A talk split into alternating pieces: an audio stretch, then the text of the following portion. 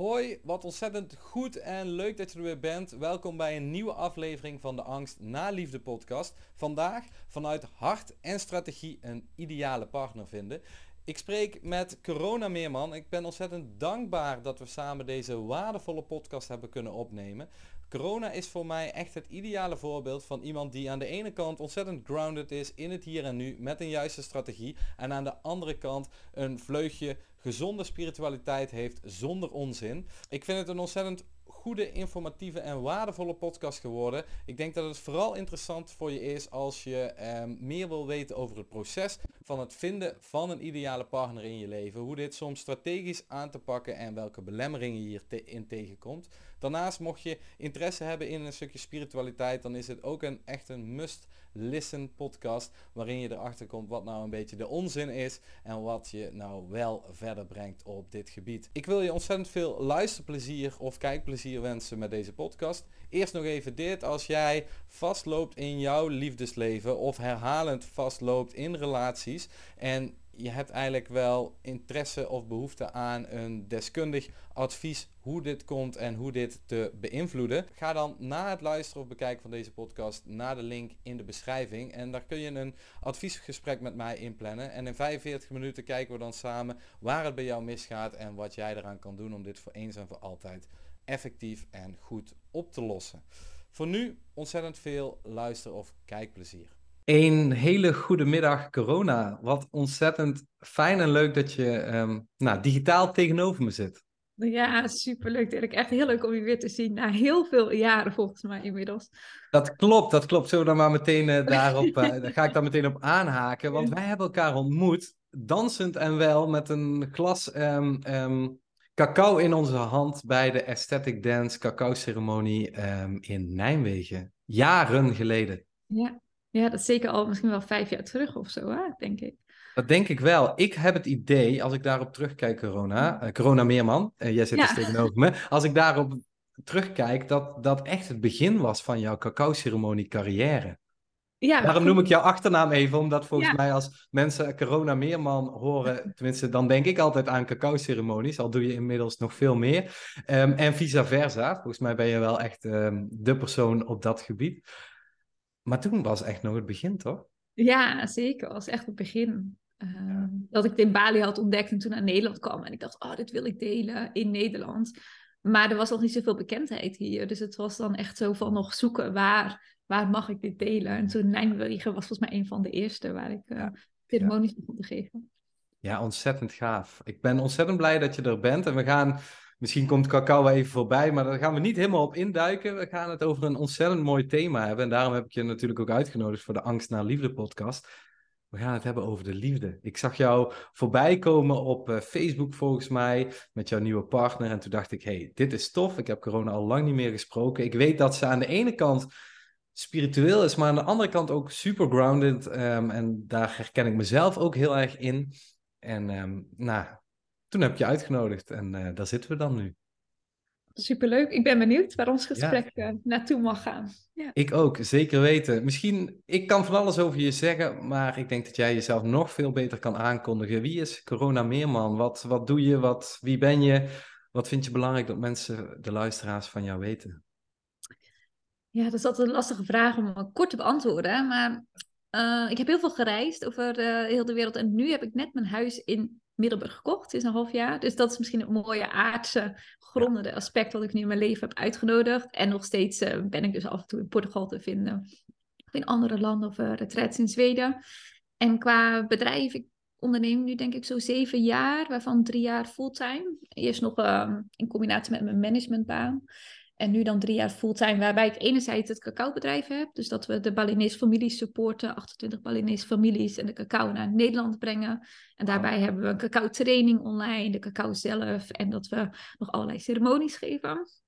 En mijn andere bedrijf is veel meer over coaching voor ondernemers op het gebied van soul en strategie. Dus weer die combinatie van het spirituele en het aardse, praktische. Dus uh, zo komt alles weer mooi samen. En af en toe geef ik dus nog uh, ja, net als van het weekend, uh, een ceremonie met yin yoga was het afgelopen zondag. Ja.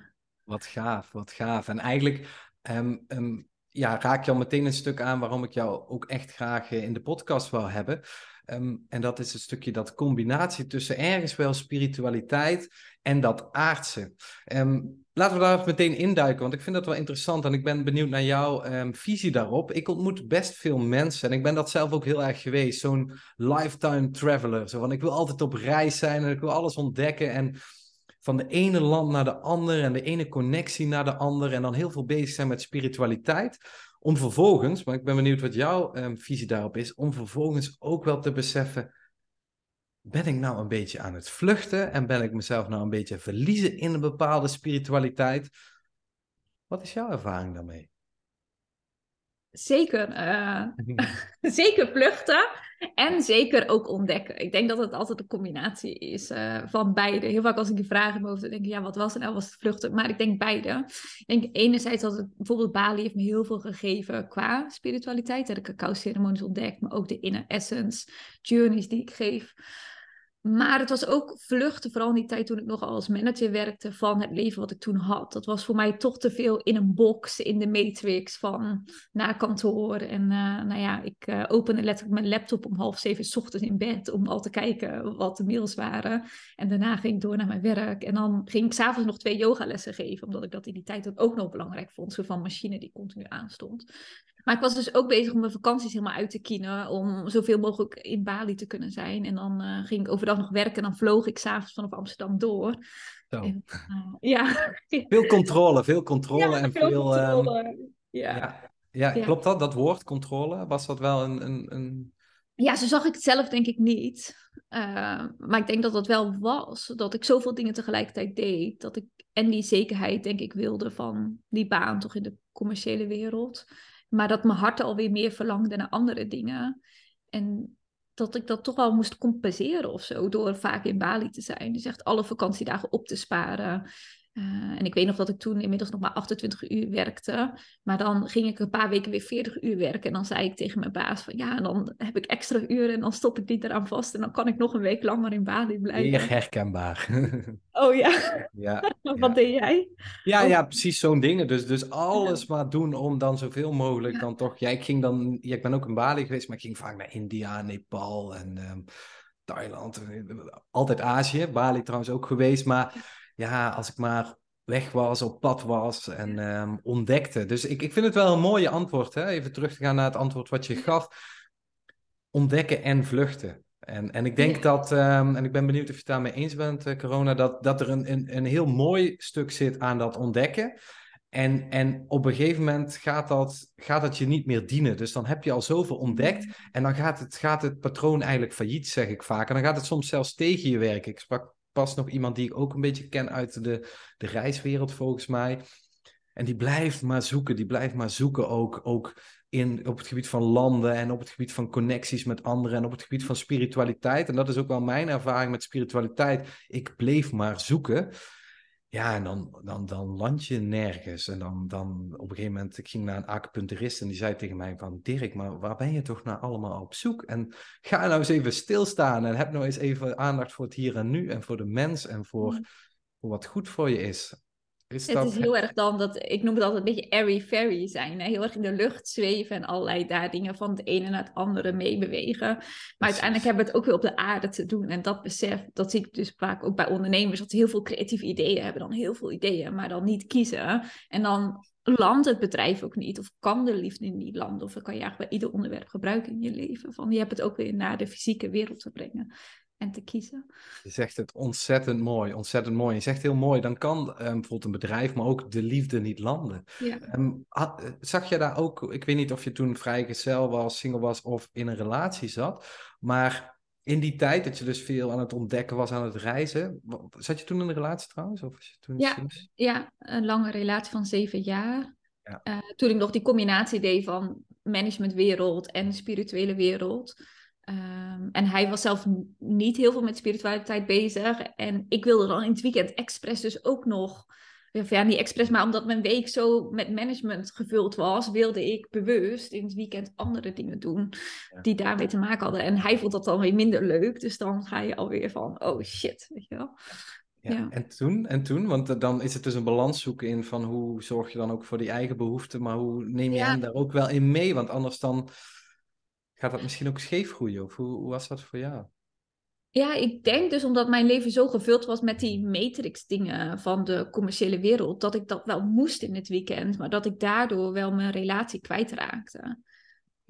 Ja, en ik denk als, als ik terugkijk en misschien toen al meer in het ondernemerschap zou zitten en veel meer mijn dag zelf kon indelen, dat ik dan misschien al genoeg spirituele momenten had gehad, zeg maar, door de week. En dat ik dan in het weekend veel meer bij mijn partner had kunnen zijn en veel meer kon luisteren naar wat zijn behoefte op dat moment was. Dit is, dit is wel interessant. Dus eigenlijk zeg je, ik ging gewoon te snel. Of ik deed misschien te veel, waardoor ik hem misschien wel minder al heb gezien. Ja, en ik denk dat. ehm, ik weet niet of ik het zo kan vergelijken met mannelijke en vrouwelijke energie, maar dat mijn mannelijke energie zo aanstond heel de week. Ja. In het werken en in het plannen en in het doen. Dat gewoon de vrouwelijke energie in mij, die wilde dan in het weekend wel naar een workshop of naar aesthetic dance. Of zeg maar alle dingen die mijn toenmalige partner niet leuk vond. Maar die- daar snakte ik zo na. Dat ik misschien geen eens naar hem kon luisteren wat hij wilde. Omdat ik gewoon vond, ja, maar ik moet nu dit weekend. En dan vroeg ik wel of hij meeging. En hij deed dat dan ook af en toe voor mij. Maar dan voel je dat je partner eigenlijk in zo'n mantra-cirkel zit. Ja, voor zichzelf, weet je wel. En dat voelt dan ook weer scheef. Ja, ja, ja. Ja, je had een belangrijk thema en daar gaat het in mijn podcast vaak over. We eindigen toch vaak op het thema, omdat het zo ontzettend cruciaal is. Hè? Dat stuk mannelijke en vrouwelijke energie. Hè? Wat, wat je zegt, dat, dat mannelijke, dat, dat kiezen, dat vastpakken. Hè? Dus dat deed je heel erg in de business.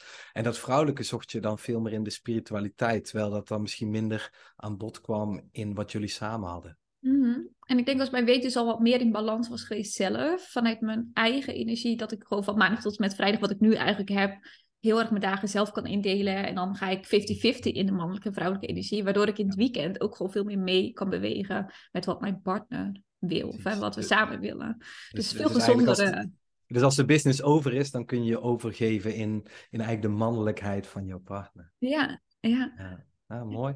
En, en na, na die relatie die uitging, toen kwam er dus een, een, een single tijd. Ja, en eh, daar is wel mooi wat we net zeiden van, hè, kan de liefde landen? Ik ging Ja. toen zo op in mijn, eh, dat ging allemaal tegelijkertijd, volgens mij was het in 2020. Toen kwam en COVID en ik had mijn baan opgezegd en eh, ik had mijn relatie verbroken. En wij woonden samen in Noordwijk, dus ik had geen huis meer, ik had geen baan meer Ja. en geen relatie meer. Dus ja, alles even 180 graden anders. En toen ben ik heel erg opgegaan in mijn bedrijf. Ik zit even terug te denken. Maar ik ging zo op in van, oh, maar nu wil ik wel een bedrijf hebben dat loopt. Want ik wil ook dingen niet half doen. Dus hè, ik ga van de corporate wereld naar helemaal volledig mijn bedrijf. En dat moet dan ook succesvol zijn. En ik was heel dankbaar dat ik voelde van, hé, hey, ik kan van mijn passie en mijn hobby, kan ik mijn werk maken. Eh, maar dan ben ik ook wel eens iemand die al ingaat. Ja. Eh, en ook gerust 's avonds dus nog aan mijn website werkt of een mail schrijft en een nieuwsbrief uitstuurt. Omdat ik het en heel leuk vind. En op een uur ontdekte ik van, hey Coroon, waar is er nog de ruimte voor de liefde? Ja, ja, precies, precies. Ja, dus er was ook letterlijk misschien wel geen ruimte voor liefde. Geen tijd en Er ruimte. was n- geen ruimte in mijn agenda eigenlijk. Nee. En ook niet in mijn systeem om iemand toe te laten. Omdat ik zo gefocust was op mijn bedrijf. Hoe kwam je erachter? Hmm, ik denk dat wel een soort van moment, realisatie was van... Ik denk dat ik toen, oud was ik toen? 31 of zo was. En dat ik dacht van... Hé, hey, ik ben nu 31 en ik heb ook al echt een kinderwens. En gewoon de wens om samen met iemand te zijn. Zeg maar dat er nog meer is dan mijn bedrijf. Ja, ja, ja, ja. En dat ik dacht, dan mag ik daar iets aan doen. Ja. En dat ik niet kan verwachten. Ja, je hoort wel eens van die verhalen dat iemand letterlijk voor je deur aanklopt. En dat je denkt, dat is hem. Maar ik geloof dat je ook wat actie mag ondernemen. En wat dingen mag veranderen. Ik heb het nooit zo vaak gehoord dat mensen inderdaad ehm, het vriendje lief eh, bij de deur eh, aangeklopt eh, op een presenteerblaadje kregen. Nee. Dus ehm, toen heb ik dus eigenlijk een business coach, die heel spiritueel ook is. Ja. Heb ik, ja, ben ik een half jaar mee gaan samenwerken. En mijn intentie was niet per se om een bedrijf te laten groeien. Dat is altijd leuk en fijn. Maar mijn intentie was om mijn bedrijf anders in te richten, zodat er meer ruimte was voor de liefde. Letterlijk die Mooi. intentie gezet. En die dag daarvoor voordat ik startte met haar. Dus ik had al gecommit en we hadden in één dag eh, met haar live hier op, uh, in de Zeeuwse kust ook op het strand. En de dag daarvoor leerde ik dus mijn partner kennen. Jouw huidige partner? Niet, niet, mijn huidige partner, maar die tussen eigenlijk de zeven jaar zat en uh, mijn huidige partner van nu. Uh, en dat was wel heel bijzonder. Dat ik dacht van wow, zo sterk kan dus ook de energie werken. Dat het weer op die vrouwelijke, mannelijke energie van actie en ruimte om die man, die liefde te laten landen. Dus het was zo snel gemanifesteerd dat ik dacht van wow. 100%, 100%. Ja, dat, het is bijzonder ja. hoe dat werkt, hè? Bijzonder hoe dat werkt. Ik heb daar vaak um, ook met klanten die bijvoorbeeld een traject met mij starten. En dan vragen ze wel eens van, ja, ja, maar het is toch niet zo dat ik dan met jou start, dat ik dan een relatie heb. Zeg maar, jij hebt toch ook geen blik met mannen of vrouwen die je dan in één keer op me afstuurt? Ik zeg, nee, dat klopt. En ik, het is ook niet dat al mijn klanten aan het eind van het traject een relatie hebben, maar er gebeurt wel iets. En waarom is dat zo? En dat kun je vanuit de nuchtere kant of de spirituele kant bekijken. Maakt eigenlijk niet uit, er gebeurt iets. Jij gaat dus keuzes maken. Je gaat anders verhouden tot bepaalde thema's. In dit geval van jou, je hebt je een keuze gemaakt. Ik ga me focussen op de liefde. En in één keer gebeurt er wat. Misschien ga je er meer over praten. Je gaat er meer naar kijken, letterlijk en figuurlijk. Waardoor er ook in jouw gedrag iets verandert. Waardoor ook het gedrag van de ander verandert. Dat is eigenlijk heel verklaarbaar, zeg maar. Dat er dan dus iets kan ontstaan. Ja, ja super mooi. En ik moet ook gelijk denken aan uh, wat uh, die vorige coach, ik heb meerdere coaches eigenlijk altijd, maar zij zei altijd van focus op je proces en niet op het resultaat in je bedrijf, maar ook in de liefde. Dus van ga niet zeggen, ook oh, moet nu een nieuwe relatie. Maar ze zei, kijk wel of je op het proces dat je bijvoorbeeld kan zeggen met jezelf, ik ga één keer per week in ieder geval een date hebben. En daar kan je voor zorgen dat ik in ieder geval één keer per week een date. En of ik die nou op Tinder zou vinden of bij Estelle Dance of waar dan ook. En laat los dat dat je partner wordt. En toen besefte ik, ja, maar wanneer moet ik dan daten? Ik heb helemaal geen tijd om te daten. en toen wist ik van, oh ja, ik moet het wel echt anders gaan doen. Ja, heel wat mooi. En wat mooi ook dat jij, um, mooi wat je zegt ook, dat je niet bang bent om, om gewoon een gids of een coach of iemand mm. gewoon eens in de hand te nemen. Ik, ik heb zelf ook um, drie therapeuten gehad en twee coaches in mijn leven. En echt, ik ken ze allemaal stuk voor stuk ontzettend dankbaar. Ik heb zelf nog steeds een therapeut en nog een coach in mijn leven. Helpt enorm, zeg maar. Ja, om, um... ja kan ik iedereen aanraden. Ja, ja, zeker, zeker. Helemaal mee eens. En um, je, verhaal doet me ook denken, ik, ik, ik, denk dat, dat ze akkoord is dat ik dit zeg hoor, maar toen, toen mijn zus, mijn zus die, die wou, ja, die was ook eh, architect en hard werken dit en dat. Op een gegeven moment wou ze graag een relatie. Toen heeft mijn moeder volgens mij tegen haar gezegd van, hé, hey, maar zus, als jij nou altijd zo druk bent, dan is er toch ook helemaal geen ruimte voor een man. Dan moet je daar toch gewoon letterlijk tijd voor maken. En dat heeft ze gedaan. En uiteindelijk heeft ze een hele leuke partner gevonden. En uh, zij zat ook volgens mij met die kinderwensen. Dat is wel mooi. Ik heb er in mijn podcast nog eigenlijk nog nooit over gesproken. Hmm. Hoe is dat voor een vrouw? Dat je op een gegeven moment de kinderwens hebt, maar dat je nog geen partner hebt. En het lijkt me ontzettend lastig. Het, of valt dat wel mee? Het valt mee voor, voor mij, maar meer het bewustzijn van. Ja, en misschien is het anders als je nog wat ouder bent als vrouw. Maar nu voel ik van, ik ben nu dan 33, dat ik nog wel de ruimte en de tijd heb. Ik denk dat het een ander verhaal wordt als je 40 bent. Ja.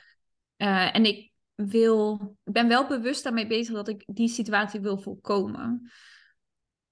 Dus dat ik nu ook met mijn huidige partner daar bewust gesprekken over heb. Uh, en dat we niet nog vijf jaar zoiets hebben van la la la weer in de airy fairy wereld. We zien wel waar het op uitkomt. Ja. Want als dan de relatie bijvoorbeeld niet uh, door zou gaan, dan ben ik 38. En dan denk ik dat ik wel verkramping zou voelen. En dat ook de man dat voelt. Van als je dan gaat daten, dat die man voelt van... Ja, wil ja, ze nou met mij zijn of wil ze nou dat ik de vader van haar kinderen word. En ja, daar wil ik echt uitblijven. Dus daarom nu al bewust wel ermee bezig zijn en gesprekken erover hebben. Um, zodat het nog vanuit openheid is en niet vanuit verkramping of verseren.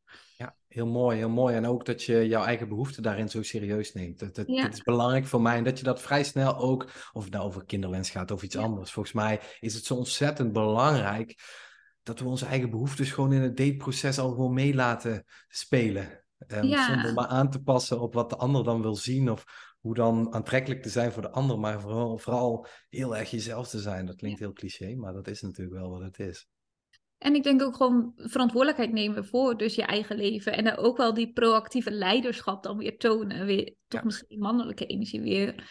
En niet reactief op je veertigste bedenken van... Oh shit, weet je wel. Ja, oh ja, ik wou eigenlijk ook nog... Uh Ja, ja. Dus continu zelfreflectie en zelfleiderschap daarin. Ja, ja dat, dat is een stukje masculiniteit, wat natuurlijk ontzettend goed is, denk ik, als je als vrouw ook dat stukje hebt en daarop investeert. Dus keuzes durven te maken, een plan durven te trekken. En daarin soms het ook weer wat meer los te kunnen laten en te kunnen overgeven voor het mannelijke. Absoluut, ja. Toch of niet? Ja, zeker, zeker. Gewoon wel weten wat je richting is in het leven, maar ook weer de universe je gewoon te laten zien van wat de bedoeling is. Ja, want anders ga je weer in die verkramping, daar geloof ik absoluut niet in. Dus wel richting, maar dan vanuit een open hart, een open systeem ontdekken. Helemaal mee eens. Ik ga aan op dat stukje verkramping. Ik denk dat ik weet wat je daarmee bedoelt, maar kun je daar nog eens wat mooier woorden aan geven? Want ik vind het een hele mooie. Ja, ik kan het letterlijk soms in mijn lichaam voelen. Dus dat je lichaam meer je spieren aanspannen. En zo van, het moet op deze manier en het kan niet anders. Ja. Dus er is nog maar één weg, één richting. Dus, ja, vernauwing, vernauwing. Vernauwing, ja. Als je op YouTube kijkt, dan zie je ons gebaren. En als je hem luistert, van dat er nog maar één weg is. En dat het heel smal is. En dat het op die manier moet. En volgens ja, de manier die jij hebt bedacht. En, en dat werkt voor mij voor niet. Dus wel een richting hebben, maar dan vervolgens ja, een open hart, een open systeem. En openstaan voor de mogelijkheden die je daar kunnen brengen. Daar waar je naartoe wil. Ja, ja, heel, heel, belangrijk denk ik in het leven, want vernauwing, dan, dan zie je een groot deel dus niet. En, en, je, en je, ja, je schijnt eigenlijk als een, in het donker, hè? en als je zaklantaarn aanzet, je ziet dan alleen nog maar dat kleine rondje. En je ziet eigenlijk niet wat er nog in die kamer verder is. Um, en dat, die verkramping, volgens mij gaat het daar soms ook mis op het gebied van daten en relaties. Doordat je mm. heel verkrampt in dingen zit, omdat er een bepaalde hele grote behoefte is waar je zelf nooit zorg voor hebt gedragen. Of een bepaald trauma uit eerdere relaties wat je zelf nooit meer hebt aandurven te kijken. Of een bepaalde rol bij jezelf die je aanneemt. Ja, dan ga je er dus verkrampt in. En dan die ander, want je zei dat zo mooi, die man in dit geval, hè, waar jij het over had, ja, die voelt die verkramping. Dus die, ja, die, ja. die voelt letterlijk weinig ruimte volgens mij. Juist. Ja, ja, mooi. Eh, wanneer beseft je, of hoe beseft je dat? Van hé, hey, er zit dus een verkrampt stuk bij mij? Of... Um, nou, ik denk dat ik die niet echt die verkramping heb gevoeld. Ik zit even na te denken, maar meer van dat ik dus geen ruimte had, maar dat ik juist wel heel erg open stond voor wie ik dan ontmoette. Ik denk dat die verkramping eerder zou ontstaan van als ik nog tien jaar later ben. Precies, ja, ja. Dus je bent de verkramping voor geweest eigenlijk. Ja, nu voel ik me nog heel erg open om ja. Ja.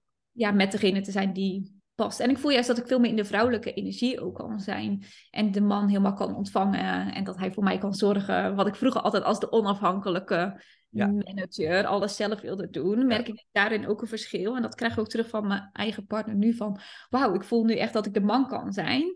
En dat ik dus ook zie wat voor praktische dingen doe en dat ik dat heel erg waardeer. Dus daar is ook wel een stukje in ja, En mooi meteen wat er dan gebeurt ook in het contact tussen ons. Hè? Mhm. Nou kan je bijvoorbeeld op Spotify ook kijken. Dus mocht je op YouTube oh, zag je dit gebeuren, maar op Spotify spoel hem even terug. Het mooie is, is wat er dan gebeurt eigenlijk. Je ziet een glimlach bij jou, je ziet een glimlach bij mij. Dat is volgens mij het mooie tussen...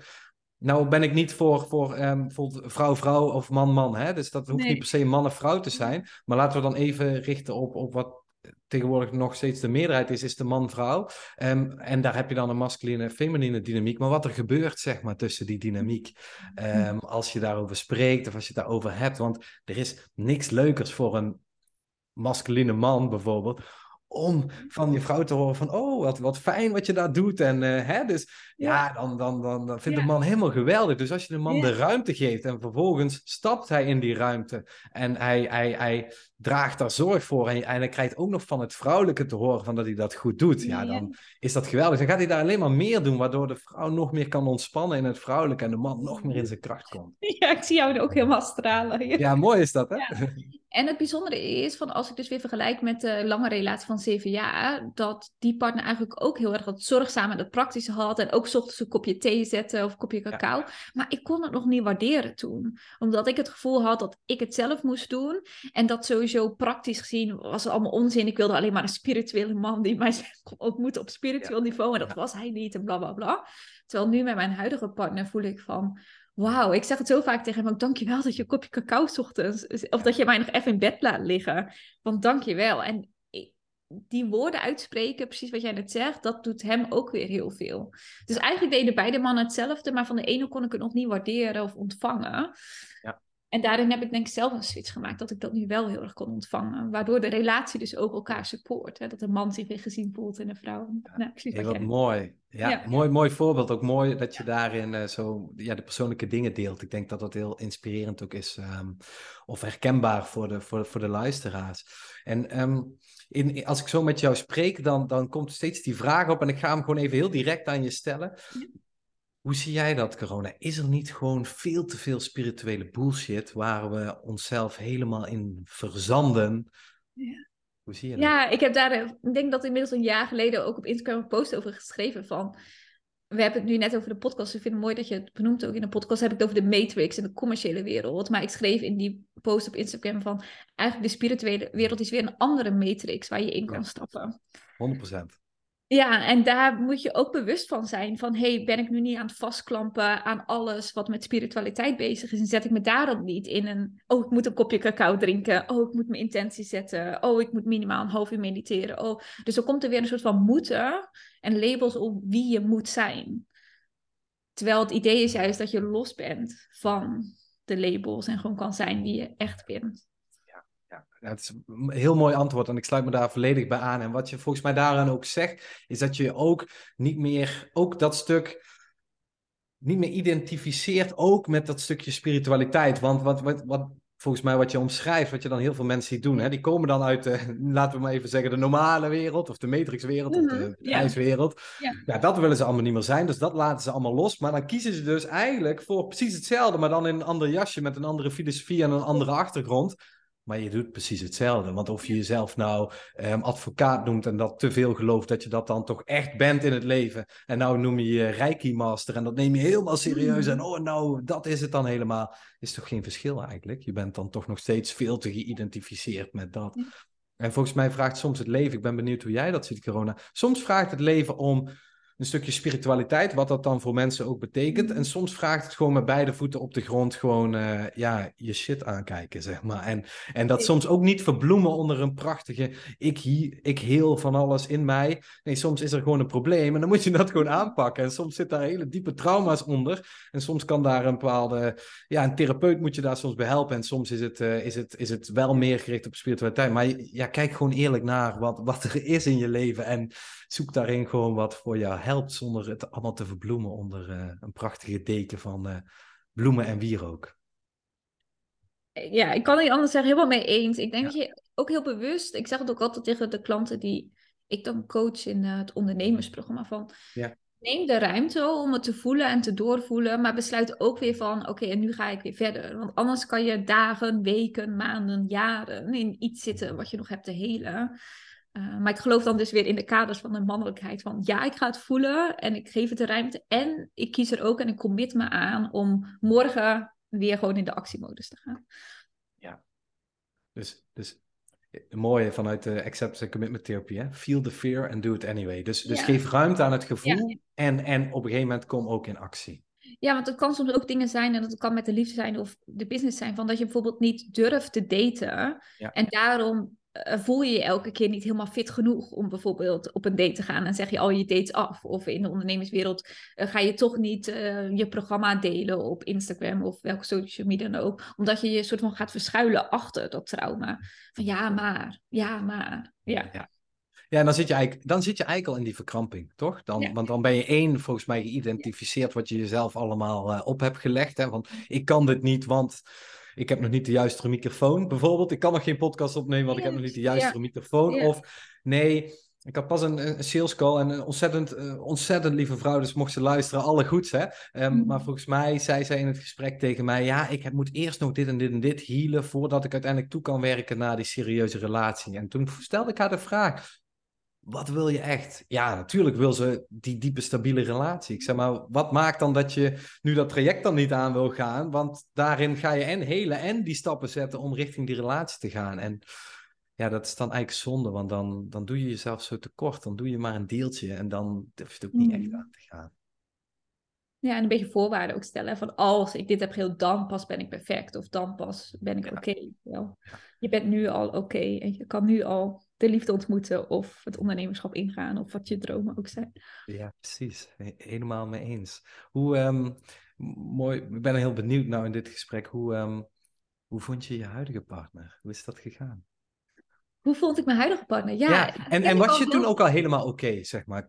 Als je terugkijkt, kon je zeggen van... hé, hey, ik, was, ja, ik, was, ik was echt zo oké met mezelf? Of kan dat ook samen groeien? Ja, ik denk dat ik in heel mijn leven... Eh, ben ik, heb ik altijd het gevoel gehad... ik weet niet of dat is hoe je geboren wordt of zo... maar ik voel altijd dat ik oké ben, eigenlijk. Wat fijn. En dat is heel raar, maar als ik ochtends wakker word... het eerste wat soort van mijn onbewust denkt is van... oh, ik hou van het leven of ik hou van gewoon wat is. Zo word ik wakker.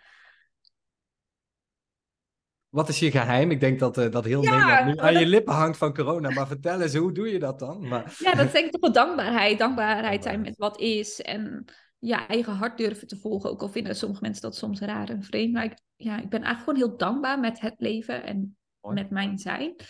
En natuurlijk zijn er altijd dingen die ik zou willen veranderen aan mezelf. Of die ik zie aan mijn partner die anders zouden mogen. Maar ik denk dat het ook weer heel erg gaat over kun je elkaar accepteren zoals je bent.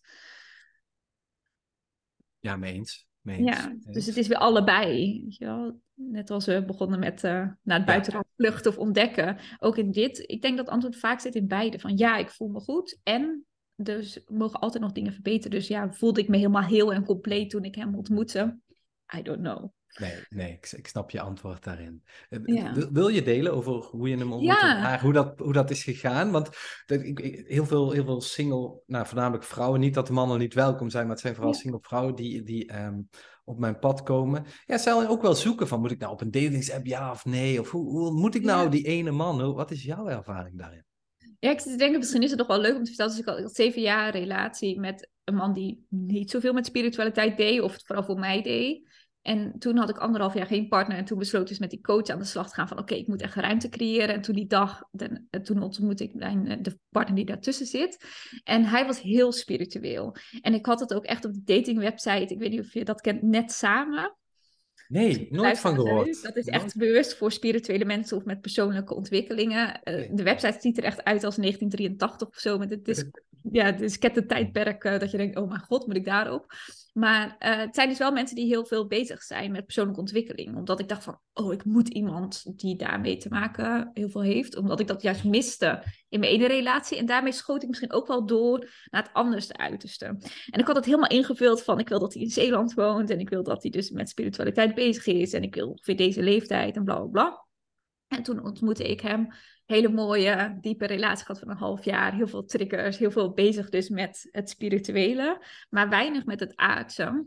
En toen is de relatie ook overgegaan, omdat dat dus weer volledig de andere kant op schoot. Heeft chaos, hè? Ik weet niet of dat... ja, ja, ik, dat, ik zat al de hele tijd in, in, in, met, mijn, met, mijn, met mijn ik zat al de hele tijd met het woord chaos in mijn hoofd. Want dat is vaak wat er gebeurt. En dat, we hebben het al een beetje, en dan wil ik daar niemand in afvallen. Maar we hebben het een beetje ook gehad over die forever reiziger die helemaal in de spiritualiteit zit. Dat is geen vrijheid. Dat is chaos. Ook in die spirituele relaties met die. Ze hebben het dan over zielsverbanden en ik weet het allemaal niet. Maar het is dat, precies. chaos. Het is chaos, toch? Vertel eens, hoe was dat voor jou?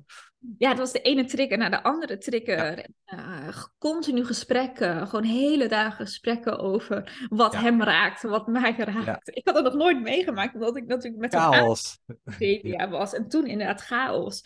En ik liep daar helemaal op leeg. Mijn energie liep helemaal weg. Ik merkte het dus ook in mijn bedrijf, want dat is dan ook weer gelijk zo'n spiegelresultaat dat mijn bedrijf veel minder goed ging. En ik dacht, wow, wat gebeurt er? Alles glipt een soort van tussen mijn vingers door. Dus na een half jaar hebben we besloten om dat los te laten. En mijn huidige partner, die heb ik dus ontmoet bij Aesthetic Dance in Amsterdam. Zonder een lijstje hoe, wat, waar. En daarmee krijg je dus ook gelijk het resultaat dat hij uh, 2,5 uur van mij afwoont. Ja, ja, dus dat is praktisch was onhandiger. Dus als je het wel eens zegt van, hey, hadden wij elkaar gevonden als we elkaar op Tinder hadden uh, ingevuld, dan hadden we elkaar zeker misgelopen. Maar ik denk dus ook niet dat je het met zo'n lijstje hebt te bedenken. Want daarmee heb ik wel mijn, de vorige partner ontmoet. Maar ja, dat liep uiteindelijk ook niet. Als mijn hoofd wel dacht, ja, maar hij moet in Zeeland en hij is spiritueel en blablabla. En hij is dezelfde leeftijd. En alles wat ik soort van wilde, was het. Ja. Maar ik geloof toch veel meer openstaan en je hart open. En uh, nu ben ik dus met Björn samen. En het is praktisch volledig onhandig, 2,5 uur afstand. Maar de liefde is even daar. Hey, wat mooi, wat mooi. En de, dus elkaar ontmoet in de dans, misschien ja. Ja, zeker. Ja. We kenden elkaar al wel jaren hoor, van aesthetic dance. Uh, maar de tijd was denk ik daar nog niet. Om uh, eerder elkaar op die manier te ontmoeten. Ja. ja, wat mooi. En ook mooi dat je nog even terugrefereert aan dat lijstje. Want ja er helemaal niet over nadenken, wat wil ik nu eigenlijk, dat helpt ook niet. Maar er helemaal een lijstje op nalaten, dat helpt vaak ook niet. En, en, het zit hem veel meer in, in de basale dingen volgens mij. Van hey, wat, ja, en dat vind ik het mooie van iemand ontmoeten in zo'n dans bijvoorbeeld. Dan mm. merk je ook al meteen, stel dat je uiteindelijk met elkaar danst, hoe raakt iemand mij aan en hoe kijkt iemand mij aan en durft iemand mij te leiden of niet. Ja. Uh, ook in de podcast, uh, de vorige podcast, nou ik weet niet wanneer ik ze uit ga zenden, maar in ieder geval in mijn podcast gaat het daar vaak dus over. Dat je naar hele andere dingen kan kijken in plaats van uh, heeft wel of geen tattoo en is wel mm. bezig met spiritualiteit of niet. Dat je veel in, in andere dingen kan gaan zoeken van wat nou werkt voor mij en voor de ander. Absoluut. Ja, ik denk dat daar ook weer gaat over balans zoeken van wel een lijstje hebben en geen lijstje hebben. Dus dat het weer gaat over die balans van misschien wel een paar kenpunten van je lijstje en dan weer met een open hart en open ja, systeem naar de wereld kijken. En vertrouwen dat wat naar je toe komt of jij naar toe beweegt, dat dat het juiste is. Ja, ja. weer hetzelfde eigenlijk. En dan zeggen we volgens mij hetzelfde in bijvoorbeeld je verder ontwikkelen op spiritualiteit, om vervolgens daar weer uit te stappen en daar het juist uit mee te nemen en weer in het aardse hier weer je eigen waarheid te vinden. Dat, dat is volgens mij uh, wat je daarin zegt, toch? Ja, zeker, zeker. Ah, mooi. Doe je dat ook in, jou, in jouw training? Want jij, jij je hebt meer de, de business kant en dan meer de, de retreat kant. Misschien, misschien doe ik het nou te kort, maar ja, ja, ja oké. Ja, in, in, de, in de retreatkant, hoe bewaak jij, want ik organiseer zelf bijvoorbeeld yoga en meditatieretreats op Tenerife, maar hoe, hoe doe jij dat? Hoe bewaak jij dat mensen dus daarin ook verder komen en ook niet helemaal wegdrijven in het spirituele hiernamaals? ja, ik denk dat al de mensen die naar jou of naar mij in de retraites komen, dat die ook al wel die balans hebben. Of in ieder geval bewust zijn dat beide belangrijk is. Ik denk anders dat je dan niet bij ons terecht komt, eerlijk dan gezegd. Je, dan trek je toch de... Vooral die uitspraken die ik hier doe, dan, uh, dan lig je meteen in de allergie en dan denk je, oké, okay, uh, daar moet ik vooral niet heen gaan. Nee, uh, en ik denk ook door in zo'n retraite gewoon jezelf te zijn. En ik geef dus samen met Brechtje meer uh, sensual feminine tantra retretes en trainingen. Dus dan gaat het veel meer over de vrouwelijke energie. Maar dat wij daar ook zelf uitleggen van ja, soms slaan wij ook weer even door in de mannelijke energie. En doen we niet iedere dag een sensueel dansje, weet je wel. Want is het leven, of komt het leven je gewoon en vergeet je dat week om te doen, denk je, oh ja, dus ook weer met liefde naar jezelf te kijken. Dus ik denk, doordat wij ook heel nuchter zijn in de retreats en trainingen, dat dat ook weer overkomt op anderen. Dat het ja. ja vanuit zachtheid mag en dat die balans er is tussen het aard en het spirituele wat mooi. Ja, volgens mij is dat de perfecte balans. En je had het net over dat woord tantra. Dat vind ik dan interessant. Ik heb veel ook wel over tantra, ook wel allerlei mensen gesproken. Vooral, ik was een keer in Goa en daar is het soort van één levende tantra-familie. Eh, maar ik ben ook daarin wel verdwaald geraakt. Wat, wat is nou vanuit een gegronde aardse manier naar tantra kijken? Ja, mooi dat je deze vraag ook stelt, want ik denk dus daarin zijn er dus ook weer zoveel verschillende stromingen, dat sommige mensen misschien één workshop ooit tantra hebben gedaan of iets op YouTube hebben gezien en dat ze daarbij een bepaald beeld hebben of dat het alleen maar over seksualiteit zou gaan. Maar voor Brechtje mij gaat het veel meer over in je lichaam zijn en met jezelf zijn en durven te voelen en durven uit te spreken dat wat is. Ja. ja. ja. En dus, dus ook, ook in het contact met bijvoorbeeld een toekomstige of partner, zeg maar. Ja, ja. Ja, ja. Dus misschien ik zit een beetje te voelen van land deze als die deel. Ik kan misschien, vind je dat fijn als ik twee korte oefeningen uitleg wat we dan doen? Dat mensen een beetje beeld hebben. 100%. Ja? ja Dus één oefening die we bijvoorbeeld doen is een chakra dans. Waarbij we door de zeven chakra's heen bewegen. En daarbij hebben we dan een bepaald nummer die resoneert met die chakra. Dus bijvoorbeeld de eerste chakra is dan veel tribal, veel meer aard. En zo gaan we omhoog in het lichaam. En bijvoorbeeld keelchakra of hartchakra. En zodat die vrouw mag dansen voor een andere vrouw op die nummers. En daarmee kan je dus zelf voelen van wat is er bij mij in balans of uit balans. Weet je wel, ik vond de eerste chakra altijd heel moeilijk om te dansen. Aardse, fundament, ik had er helemaal niks mee. Heel, is, meer, is dat meer wat mannelijk of zo? Heel ja, meer, dat ja, het fundament. Dierlijke, dat dierlijke bijna. Ja, ja, dierlijk, aards, tribal muziek. Terwijl het tweede chakra was dan veel vrouwelijker en sensueler. Daar voelde ik me altijd heel erg in thuis. Dus dat geeft je een soort van reflectie. toch? Rondom de, de geslachtsorgaan, dat is het tweede, toch? ja. En dat geeft je gelijk dus een beeld van waar voel ik me thuis en waar niet. En zeker als je dat dus uh, voor een andere persoon, en het gaat niet om of dat dan een vrouw of een man is, maar dat je jezelf ziet bewegen en dat je denkt, oh ja, hier ben ik uit balans. Of hier voel ik me nog niet veilig en fijn. En dat je dat in jezelf kan ontwikkelen. En door de jaren heen, of misschien dat je heel snel bent door de dagen heen, kan je zien van hé, hey, ik voel me er ook fijn in het krachtcentrum. Of mijn hart voelt veel meer open. Dus het is echt door je lichaam, een reis door je lichaam kun je voelen. En een tweede oefening is bijvoorbeeld dat je contact maakt met je hart, maar ook met, voor een vrouw dan met haar yoni, en daar een gesprek tussen houdt. Een soort van familieopstelling, mocht de luisteraar daarmee bekend zijn. Maar dat je ook vanuit je hoofd naar je hart kunt gaan en vanuit je hart naar je yoni, en dat alle drie een stem heeft. Dus ook als je beslissingen wil maken in je leven, dat je dat ook aan je hart, wat we vaak met cacao dan doen, en maar ook aan je yoni kan vragen. En die simpele oefeningen, heel vaak komt er dan zoveel los bij vrouwen, omdat ze zo vanuit het hoofd leven. En als we dan weer terug over daten hebben, ik geloof heel erg als je alles kan integreren, en komen we terug op balans, dat je veel relaxer in het leven staat. En dat het veel meer met ease en grace naar je toe kan komen. Ook die toekomstige man, omdat je veel meer heel bent in jezelf. 100%.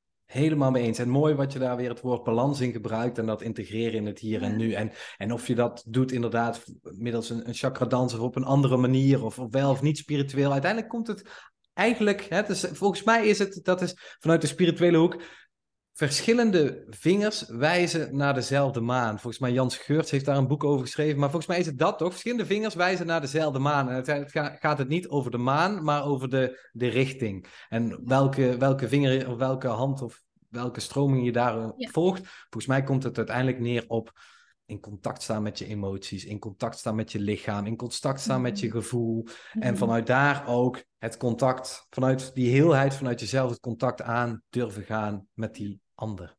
Ja. Toch? Dat, dat is hier. Ja. Ja, en welke weg je inderdaad kiest, dat het een weg is die voor jou klopt. En dat voel je zelf aan van, hé, hey, hier heb ik te zijn of dit heb ik te doen. En soms is het natuurlijk wel iets uit je comfortzone. En dat weet je misschien van tevoren ook wel van, oh, als ik een week op stilte retraite moet, dat ga ik spannend vinden. Bijvoorbeeld, of als ik zo'n sensual feminine retreat, oh, dat ga ik spannend vinden. Maar juist als je, ja, net, daar zou je misschien in je podcast ook vaker over hebben, maar als je de comfortzone iets groter maakt, dan ontdek je, en je moet niet in de panic zone gaan, dat je volledig... Uh, gestrest daarvan raakt, maar net even een beetje die oprekking, zodat je jezelf weer kan ontmoeten op een nieuwe manier en kan ontdekken van hé, hey, die comfortzone is misschien wel gelegd door ouders, familie, door het systeem. En ik ga zelf even ontdekken wat mijn ja, lengte is, rijkwijde is. Ja, ontzettend mee eens. Te komen. Ja, ontzettend mee eens. En volgens mij, de, nou, tussen haakjes fout. Ik wil niet zeggen dat iemand iets fout doet, maar sommige mensen gaan er wel heel ver in. En dat, is, dat kan soms heel veel letterlijk, soms ook onveiligheid creëren. Um, dus dat, en dat zeg je ook, hè, dat is niet zozeer het advies, maar, maar rekt dat wel een beetje op. Want ik ben, um, dat weten mijn luisteraars, ik ben bijvoorbeeld eh, naar Jiu-Jitsu gegaan.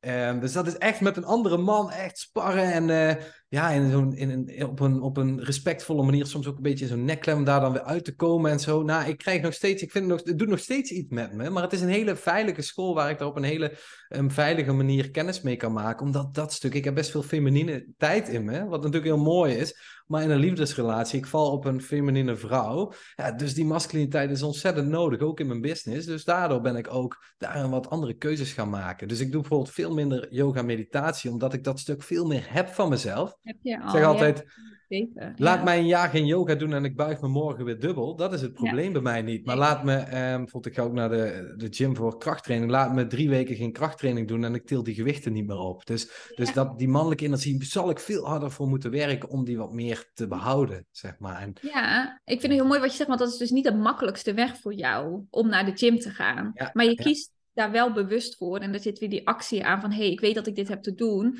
om ook mijn relatie en mijn bedrijf gezond te houden. Ja, en of naar een hoger level te tillen, zeg maar. Ja, 100%. Ik had hem van, uh, van Tibor, misschien ken je hem ook wel. Tibor die dan zegt um, de weg van de meeste weerstand. En dan denk ik, mhm. ja, maar dat... En de meeste weerstand is dan, kun je dan zoeken... Hè? Het hoeft dus niet per se het extreme, maar wel in ieder geval het oprekken van. Ja, ja. mooi. Ja, leuk. Leuk om met jou uh, over al deze thema's uh, te spreken. Ja, heel veel gelijkenissen. Hè? Dan hebben we elkaar jaren niet gezien. En dan denk ik van, wow, volgens mij zijn we echt met zoveel veel dezelfde dingen en dezelfde visie. Uh... Ja, ja. Ja, ja, dat is mooi. Hoe dan zo'n uh, aesthetic dance dans uiteindelijk dit te weten kan brengen. Ja. ja.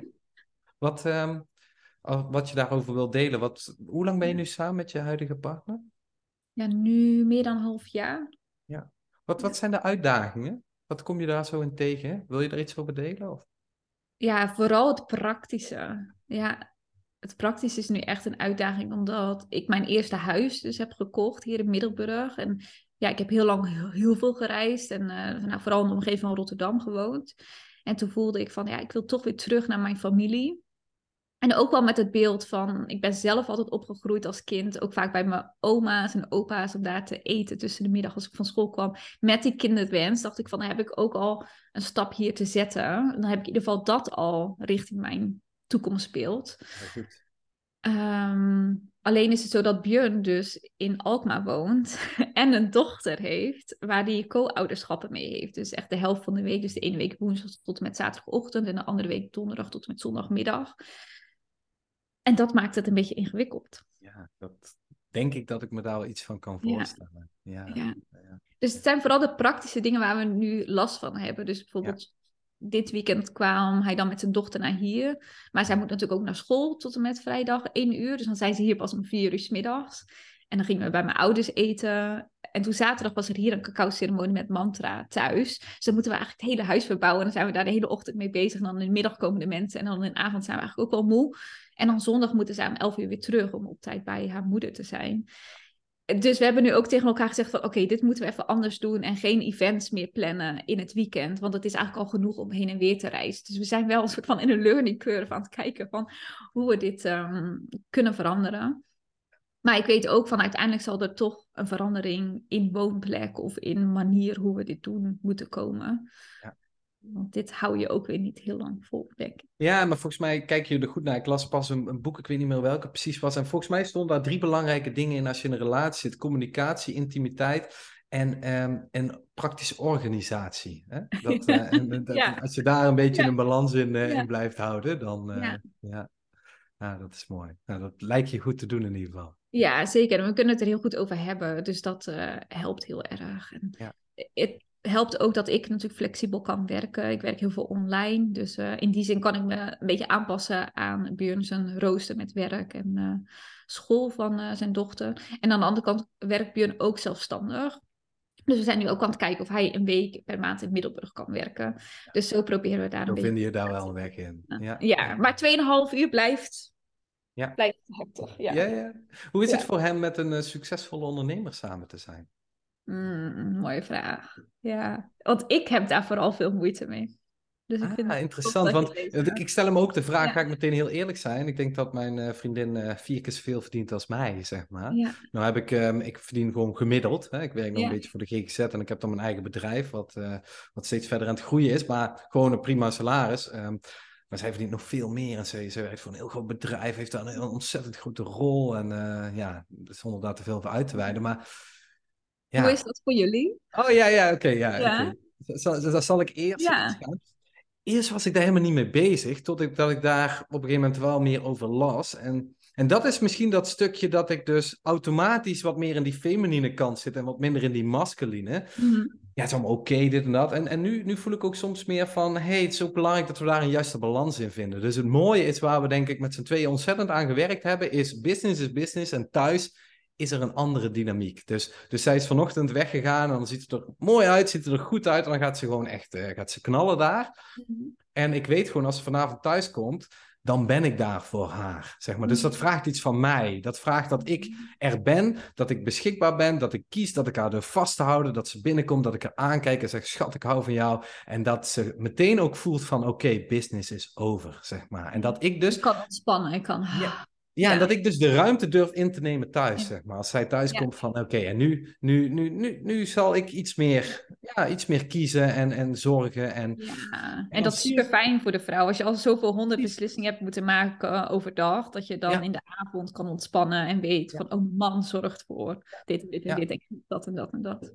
Ja, en dan het tweede deel wat ik merk, het is voor mij nog meer een motivatie. Niet vanuit ego van, oh, ik wil uiteindelijk dan meer verdienen als haar. Maar wel een gezonde mannelijke drive van, hey, ik ga eens kijken. Nee, nee, nee, ik ga eens kijken. Nee, ik ga keihard werken om uiteindelijk gewoon te kunnen zeggen van, hey, ik ben daar zo erg in gegroeid en nu is het misschien helemaal niet meer nodig dat jij nog zoveel werkt of dat jij nog zo die powerjob hebt en nu wil ik dat wel wat meer over gaan nemen bijvoorbeeld. Het motiveert je eigenlijk in plaats van dat je je klein voelt, als ik het zo Ja, hoor. ja, precies. En die is precies. heel Dus ik heb het. hè? Ja, dus, dus eigenlijk misschien is dat een korte samenvatting. Eén, eerst was ik er niet mee bezig. Toen heeft het me even klein gemaakt. En toen heb ik dat meteen omgezet in van nee, ik ga dat juist gebruiken om nog meer in mijn kracht te komen. Ja, en ik vind het mooi om ook als je dan uitzoomt van die situatie, is gewoon, hè, je verdient, verdient meer dan jij. Ja, en dan kan je er met twee manieren omgaan. En je ziet dat sommige partners gaan dus mee om van, hé, ik Ja. voel me kleiner. En anderen halen juist de kracht en de motivatie uit. Dus ik hoop dat dit ook dan een inspirerend voorbeeld weer is voor de luisteraar. Zo van, ja, je komt in allerlei situaties Ja, terecht. precies. in relaties. Maar kun je het als een kracht zien of kan je het als een probleem zien? En als je in de probleemmodus gaat, dan gaat je relatiespirals ook naar beneden in plaats van dat je relatie of je bedrijf omhoog spiralt. Dus ik vind het zo mooi dat je het gelijk of heel snel kon ombouwen. naar Ja, ja, dankjewel. Ja, dat, dat ging enorm snel toen ik dat ging zien. En, Ja. en misschien, ik, heb dat, ik begin dat wat vaker te delen in podcast. Dat vind ik een beetje de nadeel. En ik noem dat een beetje de TikTok-cultuur. Waarin je in korte Mm. video's allerlei dingen te horen krijgt hoe het dan zou moeten. Bijvoorbeeld, ja. als een man dit doet, nou dan moet je meteen wegduwen, want dan is het narcist. Of als je een man bent, je ziet dat nu ook heel erg gepusht worden. Als een vrouw meer verdient, hoe moet je het gewoon niet aangaan? Want dan zit je in zwakke mannelijke energie. Het is niet zo zwart-wit, zeg maar. En als we het allemaal zo zwart-wit gaan zien, ja, dan komt het al helemaal niet goed met deze wereld. Dus ik vind het mooi wat je me daarin terug, teruggeeft, of wat je de luisteraar daarin eh, mee wil geven. Soms vind je jezelf in een relatie wat misschien nog een aantal uitdagingen heeft, of waarin je denkt van, oh, oh ja, oké. En dan is het maar net hoe je daar dan mee omgaat. Daar Ja. zit het. Daar Ja. zit- En dat zal altijd zo blijven. Ja, en nu wil Ja, je mijn antwoord horen. Ja, ik ben heel benieuwd naar je antwoord. Ja, nee, ik zei al van, ik heb daar meer moeite mee gehad. Vooral dus in die vorige relatie waar het heel spiritueel was en triggerend was. Toen voelde ik van, eh, ook misschien wel omdat hij ook net begon met zijn eigen bedrijf, dat ik hem misschien iets te veel ging coachen daarin.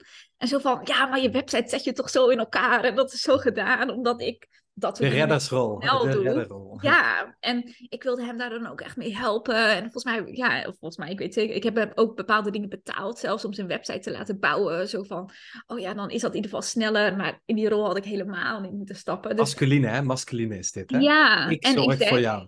dat het ook te- om te compenseren was voor hoe goed mijn bedrijf loopt. En hoe, wat je net zei, succesvol en hoeveel geld ik eigenlijk verdien met mijn bedrijf. Ja. Dat ik dat een soort van heftig vond. En dat ik dan maar wilde dat hij zo snel mogelijk ook op dat niveau zou komen. Maar dat kan je natuurlijk helemaal niet dwingen of forceren. Nee. nee.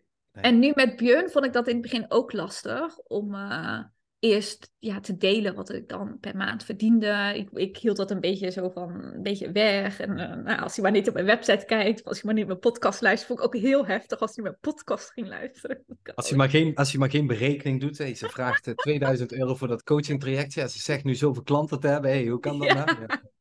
Heel grappig. Maar Ja. die dynamiek is later ook veranderd in dat hij het dus ook heel inspirerend vond. Van, oh ja, dus jij bekijkt het zo. En hij is daardoor ook, ehm, hij werkt heel veel met hout en creatieve projecten als timmerman bij mensen thuis. Dus bijzondere kasten of barren of vensterbanken of dakramen, whatever. En hij was nog heel erg ehm, in het begin op uurprijs.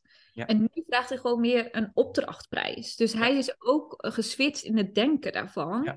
Dus dat is heel mooi dat hij die soort van die beweging mee heeft kunnen maken met mij. Mooi. Ehm, waardoor we het heel gelijkwaardig of zo nu kunnen zien. Maar het had natuurlijk ook kunnen zijn dat je partner dus blijft hangen. Ja, is niet blijven hangen, maar je snapt wat ik bedoel van in zijn manier van werken. Waardoor het verschil misschien heel groot zou lijken. Maar goed, dan had ik weer werk te doen om wel gewoon te blijven staan voor mijn visie en mijn werk. Maar nu zie ik dat we wat meer in dezelfde visie aan het Ja. werken zijn. En dat Ja. voelt heel fijn.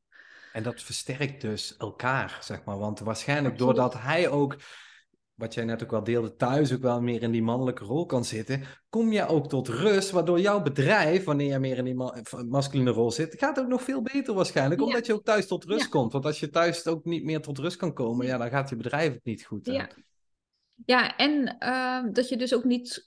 Ik heb de neiging om dan schuldig te voelen of zo. Van, oh ja. maar dan verdien ik zoveel. En nu voel ik ook meer van, als wij zo samenwerken naar. eh, het is nu mijn idee van, hey, kan ik dit huis in Middelburg niet houden en een tweede huis in Alkmaar? Eh, dus dat ik nu ook weet meer waarvoor we het geld verdienen. In plaats van, oh, ik verdien gewoon veel geld en wat moet ik ermee? Dus dat het ook op een plek komt dat voor ons heel goed gaat zijn. Dat we meer in balans is, ook met de dochter van uh, Björn. Dat we misschien twee plekken hebben. En eerst vond ik dat heel overdreven. Dus dat is ook weer een overtuiging van, ah, waarom moet je twee huizen hebben? En nu denk ik weer van, oh, maar als ik mijn leven wil creëren, dat ik gewoon altijd in Zeeland kan zijn. Bij mijn ouders en mijn oma's, wanneer ik wil.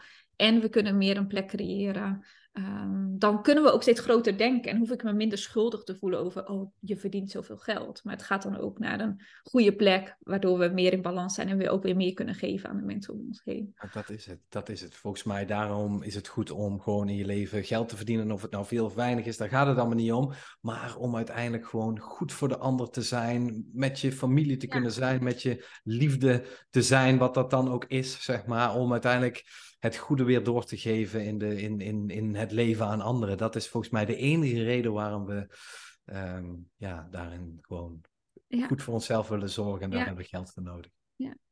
Maar mooi, en het kan natuurlijk zijn dat geld dus ook in een relatie een ding gaat zijn. Dus daarom vind ik het wel mooi dat je die vraag stelde. Ik denk dat je dat ook al vaak misschien in je coachingstrajecten ziet, dat geld ook een issue kan zijn tussen Zeker, zeker, zeker. Maar in general, geld kan zeker een uh, issue zijn. Hè? Iedereen die zegt geld maakt niet gelukkig, ja, dat is natuurlijk een beetje... Geen geld hebben maakt wel ongelukkig. Ja. Ja. ja. Dus, uh... Mooi. Ja, ja, ja. We hebben het veel gehad volgens mij in de podcast over balans. En dat vind ik wel een hele mooie. Hè? Dus balans in hierin vinden waar we de podcast mee geëindigd zijn. Maar ook een balans vinden tussen feminien, masculin. Een balans vinden tussen spiritualiteit en gewoon hier en nu op de grond. Een balans vinden tussen nog steeds die reisvibe. Um, voor dit gesprek deelde je ook, ja, ik ga zo af en toe ook nog eens naar Portugal. Nou, ik deelde toen met jou, ja, en ik ga zo af en toe nog eens naar Tenerife. En ik woon dan nu in Parijs, maar ik ben ook nog heel vaak in Nederland voor mijn familie. En uh, omdat dat uh, zo ook moet, volgens uh, de Belastingdienst, et cetera. Dus ik hou me allemaal netjes daaraan. Dus ik ben ook nog vaak daar. Dus de balans ook, hè, tussen... Ja. tussen ja, een balans tussen je lijstje voor je toekomstige partner en geen lijstje. En, ja, een balans tussen doen en vertrouwen, actie nemen en loslaten. Ja, niet, niet te veel doorschieten. En ik denk dat soms heb je het even nodig om door te schieten, zoals ik misschien heb gedaan vanuit de corporate wereld. Even helemaal doorschieten naar de spiritualiteit. Om dat hele spectrum te kunnen ervaren en misschien wel je grenzen wat op te rekken. En vanuit een aardse man naar een hele spirituele man om ja, de wereld te ontdekken. Maar uiteindelijk denk ik dat je weer terug mag bewegen naar uh, een redelijke balans. Ja. Ik vind het dat je het geweldig mooi samenvat. Hè? Dus om eerst in beide zijdes helemaal te ontdekken, om uiteindelijk in het midden uh, te eindigen. Ja. En af en toe misschien nog een klein beetje uit te schieten. En af en toe nog een klein beetje weer op te rekken. Om en daar, weer terug te komen naar ja, jouw essentie, wat voor jou kloppend is en voor jou werkt. Wauw, mooi. Mooi om mee te eindigen, denk ik, eh, corona. Ja. Zeker. Dankjewel. Zo mooi wat zo'n dans in Nijmegen uiteindelijk uh, teweeg kan brengen. heel leuk, echt heel leuk. Dankjewel dat je de gast, uh, te gast was. En um, ja, ik zal in de subscription zal ik in ieder geval de linkjes zetten naar uh, alles wat jij doet. En ik zal ook mijn eigen retreat link daar ook inzetten, mochten mensen daar interesse, interesse in hebben. En jouw retreats, jouw, jouw coaching, en die kunnen ze dus vinden in de beschrijving. En um, ja, ik wil je ontzettend veel... Um, geluk, liefdesgeluk uh, wensen ook. En wij, uh, wij spreken elkaar sowieso. Uh, ja, we houden contact. Voor jullie, ja, dankjewel. Dankjewel. Dankjewel voor het bekijken en of beluisteren van de gehele podcast. En nogmaals, dankjewel aan Corona Meerman voor dit ontzettend waardevolle gesprek. Nog even voor jou, als jij op dit moment vastloopt in liefde of in liefdesrelaties en je hebt behoefte aan een deskundig advies, je wil erachter komen waarom jij steeds in dezelfde patronen ronddraait en jij steeds blijft vastlopen op het gebied van liefde en liefdesrelaties, plan dan nu meteen een adviesgesprek met mij in. Dit kun je doen door naar de link te gaan in de beschrijving en dan heb je in 45 minuten helder waardoor het komt dat jij steeds vast blijft lopen in de liefde. Of jij de ideale partner nog niet hebt gevonden. Um, en je hoort natuurlijk ook wat jij kunt gaan doen om dit voor eens en voor altijd te gaan doorbreken. Um, dank voor het luisteren en tot de volgende.